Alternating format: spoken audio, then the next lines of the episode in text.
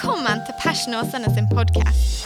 Vi er en ung menighetsplanting i Åsane bydel utenfor Bergen som ønsker å lede mennesker til lidenskapelig tro og overgivelse til Jesus, kirken og hans oppdrag. Takk for at du lytter til vår podkast, og vi håper du blir oppmuntret og utfordret i din etterfølgelse av Jesus. Du, jeg må si at eh, når Dag Martin var her forrige gang, så er det litt sånn smak og behag, men jeg syns han var utrolig forfriskende å høre på. Av måten han forkynte på, var bare helt annerledes enn eh, alle vi unge mennesker forkynner nå for tiden. Han snakket jo bare om Bibelen. Og det var liksom, Han bare la ut det ene etter det andre på liksom penbergensk. da. Og Det var utrolig givende.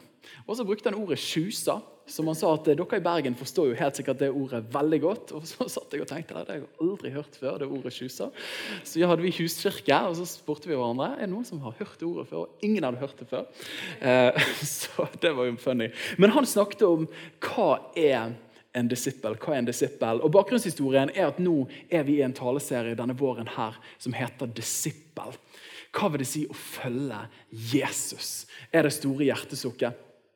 Og Du og meg vi lever i en tid der eh, det er veldig mange stemmer der ute. Det er veldig mye som skjer der ute. Og det å følge Jesus i dag må jo være helt ærlig og si at vi egentlig ikke helt vet hvordan det ser ut. For ingen har gjort det akkurat her og nå, sånn som vi gjør det akkurat her. Så det, det er på en måte det er noe nytt, samtidig som det er noe gammelt. Og Sånn er det kristne livet til enhver tid. At det er noe tidsaktuelt over å følge Jesus, men så er det òg noe tidløst over å følge han. Er dere med meg?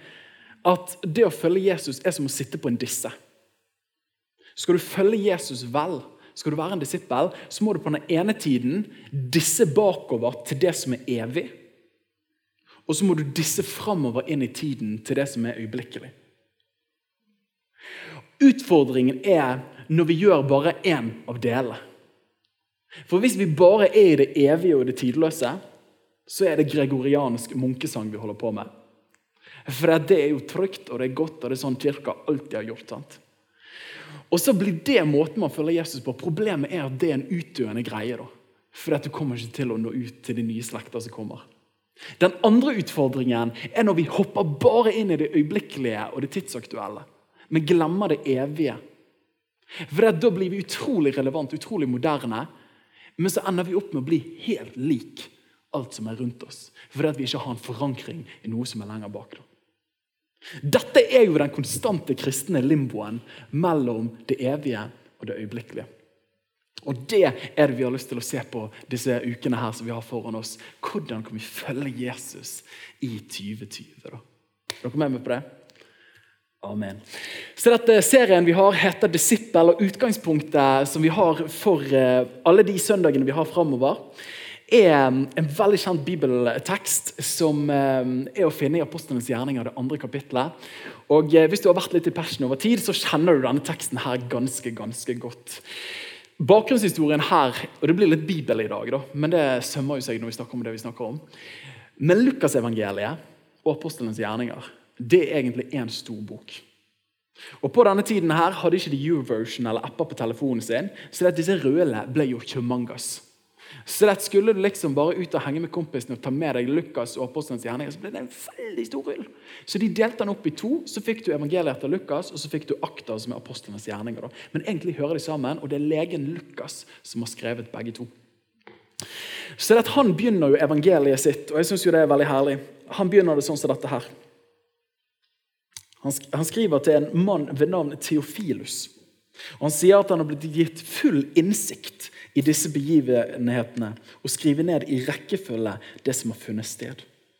Og Lukas var en del av reisefølget til Paulus. kan vi lese om i Apostelens gjerninger. Han ble kalt i Kolosseren for legen. Han var en lege. Fint å ha med en lege når du er ute og fanter for Jesus. Og han hadde øyenbevitning til den kristne kirke sin utbredelse. da. Og Det er spennende. Og Han gir oss et fantastisk innblikk i hvordan så det ut å følge Jesus i begynnelsen. Og vet du hva? Disse versene her har vært litt sånne tidløse vers for mitt liv, men òg for kristne i alle generasjoner. Til å holde kursen i det tidløse. Vi leser Jesu navn fra det andre kapittelet. De kristne de holdt hele tiden urokkelig fast. Jeg må si det er noe deilig med det. At de kristne holdt urokkelig fast med noe. Av og til i den tiden vi lever i, så virker det som det eneste vi holder urokkelig fast ved, er at vi ikke holder urokkelig fast med noen ting. Men de holdt urokkelig fast ved noe, og det var apostlenes lære. Og hva var det for noe? Helt enkelt så er jo det det som har blitt vår bibel. Det er De holdt urokkelig fast ved Guds ord, ved samfunnet, det kristne fellesskapet, ved brødsbrytelsen og ved bønene. Da kom det frykt over hver sjel, og mange under og tegn ble gjort for apostlene. Alle som trodde, var sammen og hadde alle ting felles. De solgte eiendeler og det de hadde, og delte dem ut til alle ettersom enhver hadde behov. Ganske radikale vers. det her. De holdt seg daglig tenk på det, og dette skal vi snakke mer om, men tenk på daglig. Det er jo et heftig ord. Ja, men må jeg gå i kirken hver søndag? De holdt seg daglig med ett og samme sinn i tempelet, og de brøt brødet i hjemmene. De åt sin mat med glede og hjertets oppriktighet. Hele tiden lovet til Gud, og de hadde velvilje hos hele folket. Og daglig la Herren dem som ble frelst, til menigheten. Dette har jeg ikke avtalt, men forrige søndag så hadde vi bønnemøte. Og Det var et utrolig herlig bønnemøte. Det er gøy å begynne med søndagsbønnemøter. sånn som vi har. Og Nå er jeg litt spontan eh, forkynnelse her, siden jeg har vært i ammetalk i to uker. så dette blir liksom det som det blir. Men da syns jeg Truls delte noe veldig fint på slutten av bønnemøtet. For Da hadde vi bedt og da hadde vi lovsynget. Og så husker jeg du sa Truls, du sa at eh, når jeg gikk i en annen kirke en gang i tiden, så gikk man på møtene, og så dro man hjem igjen, og så satt man med fornemmelsen det må være noe mer enn dette. Og så synes jeg det var så fint, for du satt der, og så, etter at vi hadde bedt og spist boller og kost oss, så sa du nå opplever jeg å ha fått det jeg lengtet etter, kanskje kunne være der i tillegg. På mange måter en drøm som går i oppfyllelse. Og Det har jeg tatt med meg den siste uken, for var, jeg synes det var utrolig sterkt. Og Når du leser den teksten der, så er det akkurat det som er greien her. Ikke at de stemplet inn og stemplet ut, men de levde et liv sammen. I dag så skal vi ikke ta utgangspunkt i alt, men vi skal ta utgangspunkt i apostlenes lære. Jeg har lyst til å snakke om disippel, Guds ord. Guds ord. Og kanskje vi ber en enkel bønn. Jesus, Herre, du ser at dette temaet her, ditt ord, det er så utrolig stort. Jeg har lyst til å be deg, Jesus, om at, eh, om at de øyeblikkene vi nå deler, at, eh, at du virkelig åpenbarer noe nytt for oss. At du taler til våre hjerter, og der det kanskje har stivnet til, at du forfrisker det. I ditt gode, gode navn. Amen. Amen. Vi alle lytter til noen ord, og vi alle lever etter noen ord. Vi alle lytter til noen ord, og vi alle lever etter noen ord. Etter juleferien i syvende klasse, tror jeg det var, rett oppi skauen her bak skolen, så var det en kompis som kom til meg og så sa han, eh, Daniel, jeg har litt fyrverkeri med meg etter nyttårsaften. Og Dette var jo skoletid. Så det er jo sånn man ikke har i liksom, læreplanen at man skal bedrive.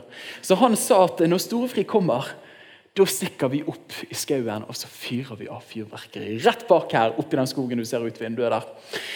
Og Idet han spurte meg om det, hva skjedde da? Jo, da fikk jeg plutselig et par stemmer inni ho hodet mitt. Da fikk jeg et par ord jeg måtte forholde meg til. På den ene siden hadde jeg kompisen min sitt ord.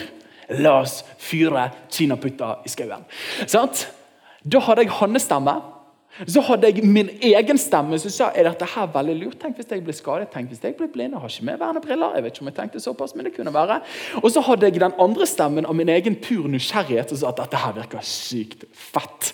Og så var det stemmen av den dårlige samvittigheten, for jeg vet jo at dette her er jo ikke lov. Ikke at jeg har hørt at lærerne gikk gjennom reglementet og sa at du ikke skal fyre fyrverkeri i skauen i 6. klasse eller 7. klasse.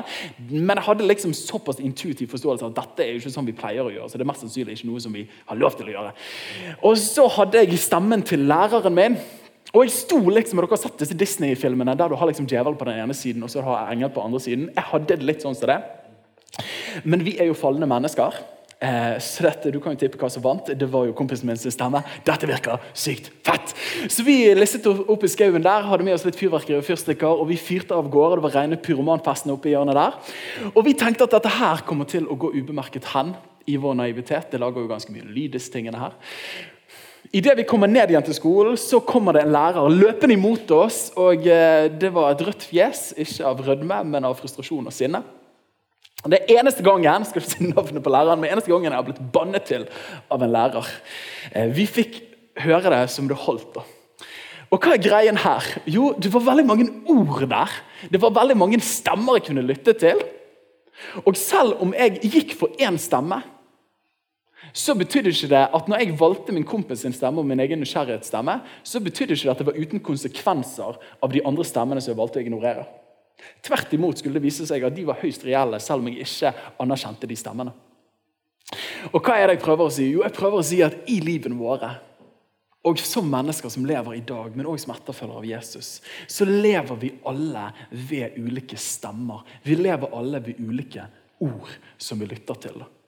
Om så det måtte være en eller annen isme av noe slag, om det er kommunisme, om det er sosialisme, om det er kapitalisme eller om det er perfeksjonisme Altså Det er mange tankesett der ute. Vi lever ved noen stemmer. Vi lytter til noen stemmer, og vi lever ved noen stemmer. Er dere med meg? Sånn er det, er det uansett. Vi kommer ikke unna det. Kanskje man lever og lytter til ordene fra mobberen på barneskolen. Kanskje man lytter og lever ved ordene til foreldrene. Kanskje man lytter og lever av ordene til ektefelle, av den sure naboen osv. Og, og, og denne er jo favoritten min. Men du skal ikke leve så veldig lenge i Norge før du får høre jeg vet du hva, jeg, eh, jeg følger min egen stemme. Jeg gjør det jeg har lyst til. Jeg er min egen herre. Og så høres det så fint ut! Og så er det bare Men kjære, gode deg. Det er ikke noe som heter at jeg bare har min egen stemme. For at vi alle er et ekko av det vi har eksponert oss for. Sånn er det bare. Så spørsmålet blir til oss alle hvilke ord lytter vi til? Og hvilke ord lever vi etter, og lever vi ved? Og da har jeg lyst til å snakke om nettopp å være en disippel, om Guds ord. Dag Martin touchet det. Han hadde saligprisningene, disse åtte-ni saligprisningene. Og han snakket om det indre karakteristikken ved en disippel. Hjerteholdningen, karakteren. Hvordan er det når du blir forfulgt? Er det sånn du skriver sinte blogginnlegg? Nei, du gjør ikke det. Du velsigner, du forbanner ikke, du er barmhjertig, og du er ydmyk over jorden osv. Fantastisk. Men helt enkelt, hva var en disippel for noen ting på den tiden der? På denne tiden her så var jo ikke utdannelsessystemet sånn som vi har det i dag. Det var ikke sånn at uh, mor og far betalte sin skatt, og så var lånekassen der. Og så begynte du, dro du til Jerusalem og så begynte du å studere, leste pensum. og Så leste du for det meste for deg selv, og så gikk du opp og tok en teoretisk eksamen. Så fikk du en diplom, og nå kan du greiene. Tvert imot, de hadde jo sånn som Dag Martin var inne på, en mye mer praksisorientert læremetode. Så det at Hvis du var en som var lovlærd på denne tiden, her, så hadde du full kontroll på den jødiske loven. Du var en lovlærer. Du ble kalt en mester, en rabbiner, en rabbi. Og Hva var det en rabbi gjorde for noe? Jo, En rabbi gikk rundt, og så kunne han gjerne si til potensielle elever så kunne han si 'følg meg'. Og Vi leser jo om Jesus når han kaller disiplene sine. og Så tenker vi at dette her var noe helt utenom det vanlige. At Jesus sa til Sebedeus-sønnene følg meg, og så slapp de garene og forlot faren sin. Skrev testamentet og bare fulgte Jesus. Men dette var en ganske vanlig måte på denne tiden her, at en mester det var en man så opp til, det var en som hadde kredibilitet, en som kunne noe. Når han sa 'følg meg', så fulgte man denne mesteren, denne rabbien. Og Da søkte man å lytte. Man søkte å lære, og så søkte man å leve slik som denne rabbien, mesteren, levde. Veldig livsnært, veldig ekte. Og Du kan lese om Jesus når han kaller disipler, at, at han sier 'kom og se hvor jeg bor'. Det var ikke sånn 9 til 4. Det var et livsprosjekt. Lytt, lær og lev som meg. Alt med det mål om at den lærlingen skulle bli som sin mester en dag. Og Dette er det Jesus gjør. Han kaller disipler. Han sier 'følg meg'. Han underviser dem, og så demonstrerer han Guds rike for dem. Og Dette her er jo det som er herlig. Men en mester sine ord var jo ikke sånn 'Nei, men fine ord du har'. Nei, Jeg, jeg synes akkurat de ordene der var kanskje litt støtende, men akkurat noen av de tingene her synes jeg var ganske bra. liksom. Nei, nei, nei, Det lå i selve naturen av å være en disippel at du anerkjente at mesteren visste bedre. Derfor lyttet du, og derfor søkte du å leve sånn som mesteren levde. Dette er det første bibelverset som vi skal ha i talen vår. Men Jesus sier i Johannes det åttende kapittelet, og hør på disse versene her, i det 31. verset, så sier Jesus at hvis dere blir i mitt ord Hvis dere blir i mitt ord, er dere i sannhet mine disipler. Hvis dere blir i mitt ord, er dere i sannhet mine disipler. At det å være en disippel, det å følge Jesus, handler om å lytte til hans ord, men det handler òg om å leve etter hans ord. Og Dette her er jo utrolig utfordrende for oss som lever i dag, vil jeg påstå. De første kristne hadde en bekjennelse. Og som vi finner i Nytestamentet. Jeg skal ikke prøve meg på gresken, men den var 'Jesus er Herre'. Jesus er Herre. Du finner den i litt ulike variasjoner. Jesus Kristus er Herre. Jesus er Herre. Korteste trosbekjennelsen i Nytestamentet. Og de første kristne var kjent for at de hadde denne bekjennelsen. Jesus er Herre. På samme måte så var det òg en annen quote på denne tiden her. Ja, men Cæsar er herre. Og Egentlig betyr det 'Herre, du er konge'. Og Hvis du er konge, hva betyr det? Jo, Da betyr jo det implisitt at da er jeg underordnet deg. da. Og, og folkens, åh, Jeg preker til meg sjøl, jeg preker til oss alle her. Men det å være en disippel av Jesus, og kanskje særlig i den tiden vi lever i i dag, så er ikke det sånn at det er fritatt for at Jesus er Herre. Ofte så, Hvis du drar på kristne møter, så får du liksom spørsmålet er, er Jesus frelser og herre for deg. Og så er det litt cheesy å si det, men jeg synes det er ganske presist at så mye kanskje av kristendom som vi er med å, å formidle, men også som vi lever, er at vi presenterer en Jesus som frelser. At han tilgir våre synder, men vi glemmer å presentere han som en herre. Da. At han er konge. Han vet best. Og skal jeg være en disippel, så må jeg være i hans ord så vi følger han. Han er herre. Jeg underordner meg han. da. Er Jesus frelser og herre for oss?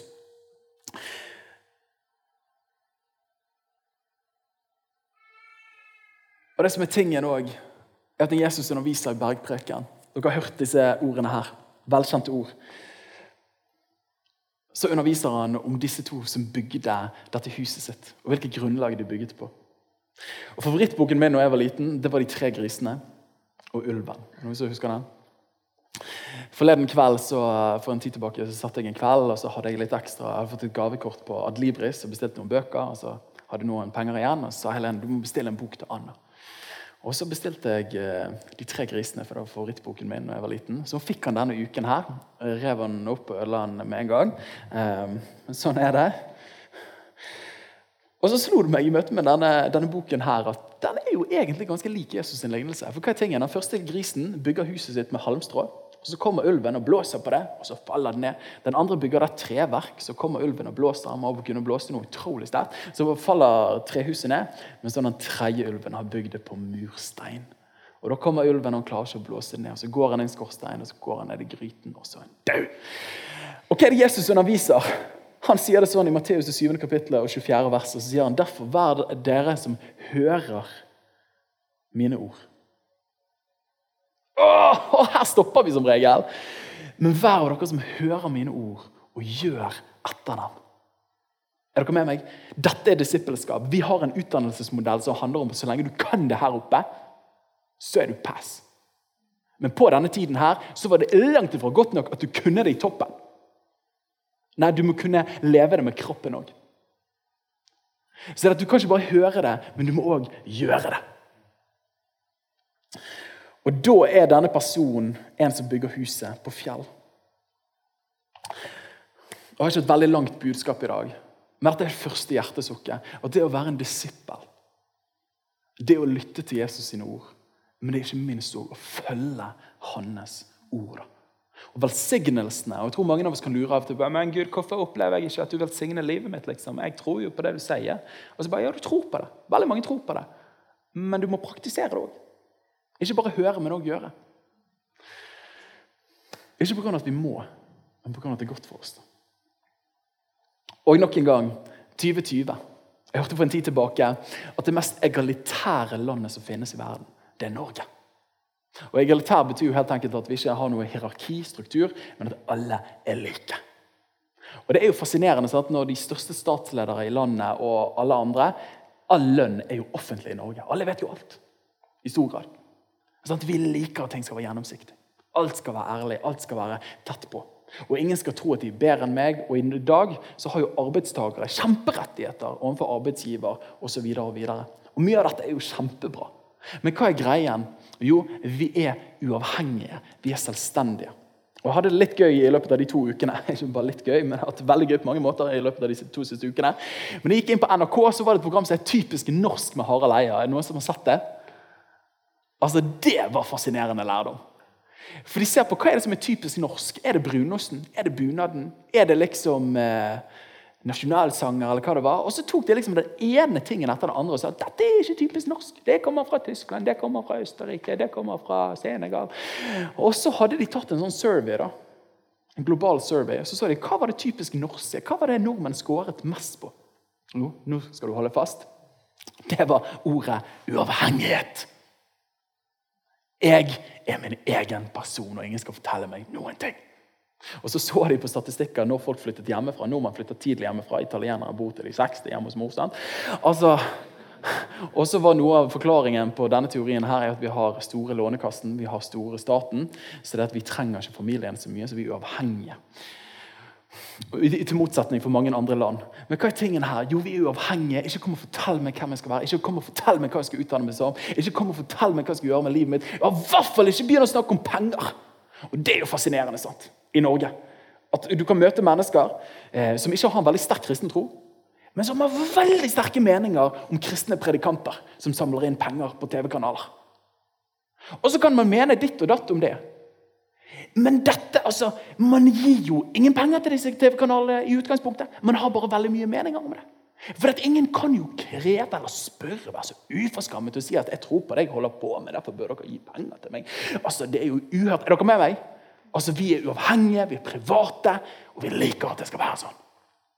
Og Derfor er jo jordsmonnet her i Norge når vi snakker om disippelskap, så er det veldig deilig å høre om at Jesus er frelser, og han elsker meg. Mine traumatiske opplevelser, han omfavner meg i de halleluja. Så Det er jo veldig herlig. og Man snakker i forkynnelsesfag at forkynnelse har gått fra å være utfordrende til å bli terapeutisk. Ja, og midt i din nød så er han der. Og alle bare Ja! Sammen med Lånekassen. Sant?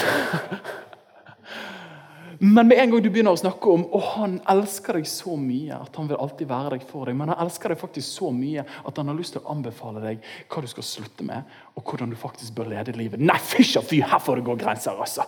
Altså, Jeg trodde Gud var full av godhet og full av nåde. Ja, nettopp! Og jeg husker På ungdomsskolen så var det et paradigmeskifte en dag der det var noen som sa at Daniel, godhet og snillhet er to forskjellige ting. Jeg bare, Nei, det er det ikke. Det er to sider av samme sak. Nei, det er det faktisk ikke. Og så brukte de dette eksempelet her, at Hvis en datter kommer til mor og far og sier du, det er fredagskveld, jeg har lyst til å være med venninnene mine, og vi skal gjøre ting som vi ikke har lov til å gjøre før vi er over 18 år, nemlig drikke sånne greier, kan jeg få lov til å komme hjem klokken tre i natt? Hvis foreldrene er snille, så sier de så klart skal du få lov til å komme hjem klokken tre i natt. Men hvis foreldrene er gode så sier de det kan du bare ta og glemme. Du er 13 år. Du skal få lov til å komme hjem klokken halv ti. Sant? Er du med? Nå karikerer vi litt, men det er stor forskjell på godhet og snillhet. At Det som er deilig i øyeblikket, er ikke alltid veldig fruktbart i et lange løp. Men det som er ondt i øyeblikket, kan være veldig fruktbart i det lange løpet. I møte med det å være en disippel, hjertet bak Guds ord, når Gud utfordrer oss ikke bare til å høre, men til å gjøre, ikke bare ha han som frelser, men også som herre, er det pga. at han er kjip? Er det pga. at han er en litt sånn manisk skummel type i himmelen som sier at jeg elsker å kontrollere mennesker?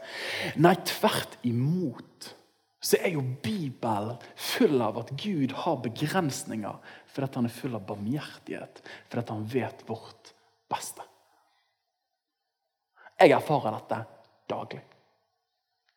Idet min Anna skal i barnehagen, så vil hun aldri kle på seg om morgenen. Altså, Det slår aldri feil. Da er det tårer, krokodilletårer, det er fullt krasj. Men jeg kler henne for det. Hun er veldig glad for det når vi går utenfor døra. Men hun tenkte ikke så langt. Hun vil aldri skru av Misha og Mishka på telefonen når vi ser på barne-TV. Men hun er vil jeg tro, forholdsvis glad for det når hun står opp dagen etter. At hun har fått lov til å sove litt. Hun liker som regel ikke alltid å spise maten sin, men vi må sitte til hun har spist. Jeg tror hun er takknemlig for det pga. at nå har hun en kropp med noe inni. Er dere med? At vi trenger Og der tror jeg er så viktig for oss som er kristne å vite at Gud kommer ikke og setter begrensninger fordi han er kjip, men fordi han er god. Et av de versene som var viktig for meg i tidlig kristenlivet, når jeg kjempet med gudsbildet, var Lukas 9,56. Der står det at Jesus sier at menneskesønnen er ikke kommet for å ødelegge menneskeliv, men for frelse. Tenk på det. Jesus sier jeg har ikke kommet for å ødelegge livene til folk. Jeg har kommet for å frelse dem. Fantastisk.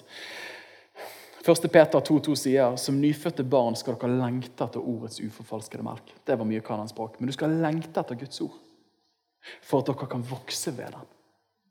Ok, Hør på dette her. Så sant dere har smakt at Herren er god. Du vil lengte hvis du vet den er god. Og I 1. Johannes 4,8 står det at Gud er kjærlighet.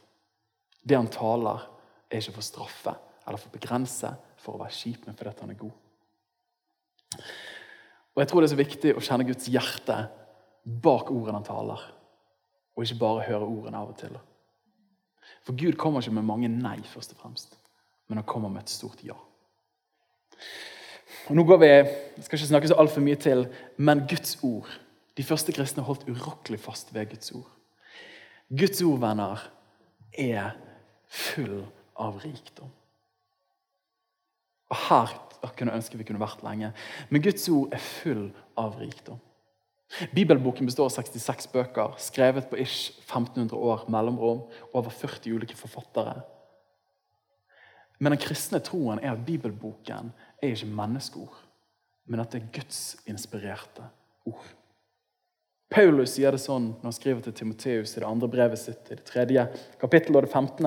verset, så sier han at helt fra barndommen av har du kjent de hellige skrifter. Hør på det her, venner. Som har kraft til å gjøre deg vis ved troen på Jesus Kristus. Og hør, hele Skriften er innåndet av Gud. og Det betyr helt enkelt Blåst inn er det ordet som brukes der. At Gud har blåst på hele Skriften. Bibelen er ikke menneskeord, men det er Guds ord.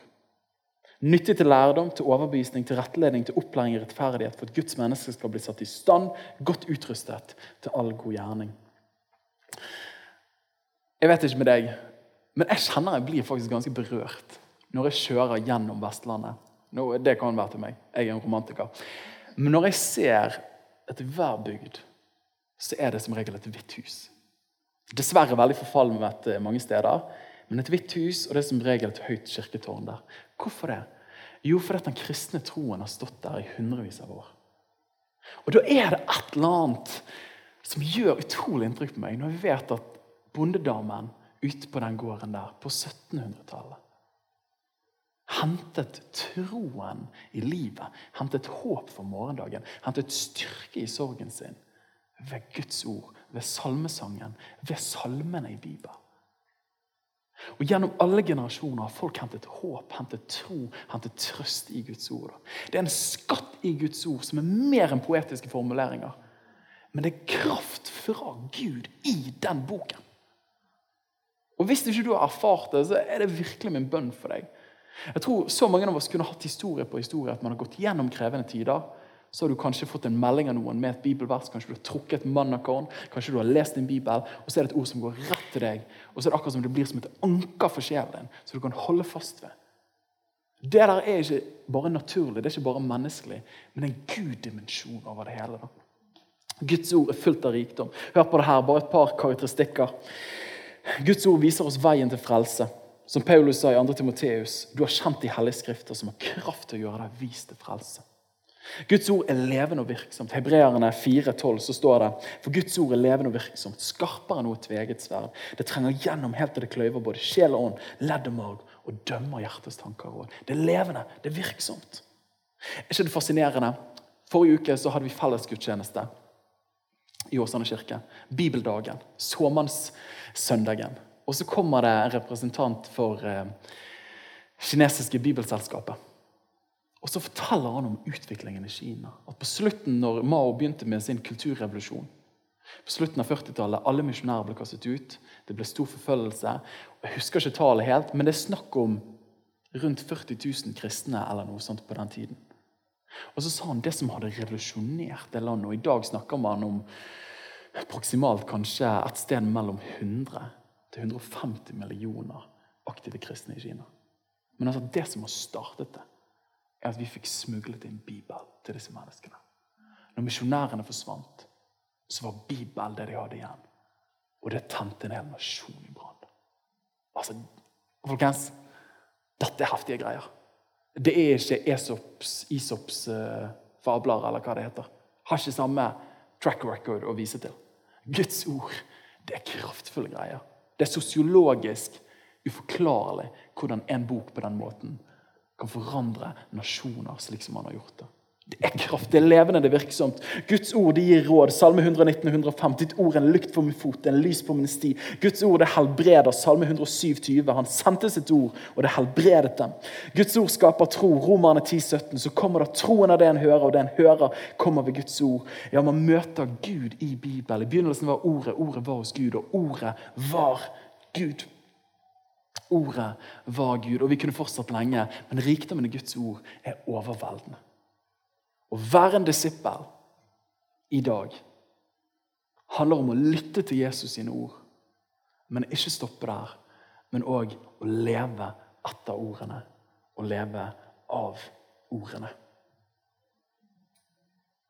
Først da kan man få lov til å erfare rikdommen i Hans ord, men òg få lov til å kjenne velsignelsen av å bygge et hus som står på fjell.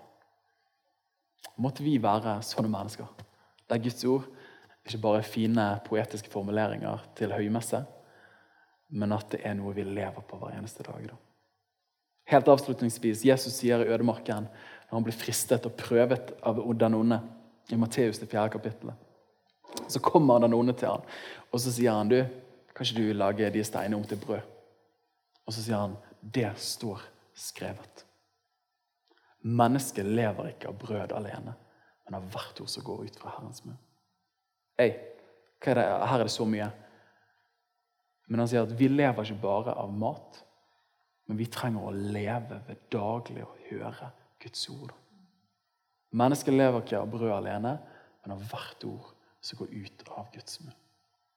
Skal vi ta og be sammen? Jesus. Herre, jeg ber om at eh, vi skal få lov til å være disipler. Som eh, ikke bare lytter til ditt ord, men som òg lever av ditt ord, Herre. Og Jeg ber om særlig i den tiden vi lever i i dag, at vi ikke skal gå for en eller annen sånn halvveis disippelskap som det passer oss, eller som er behagelig, men at vi skal gå for fullt ut etterfølgelse av deg, Jesus. Jeg ber om det, Herre. Der vi både lytter, men òg lever etter det du taler. I ditt gode navn. Amen. Takk for at du lyttet til Passion Åsane sin podkast. Hvis budskapet inspirerte deg, del det gjerne videre, slik at enda flere kan bli styrket av Guds ord. Gud har en plan for ditt liv. Følg Jesus lidenskapelig og bety en forskjell for mennesker i din verden.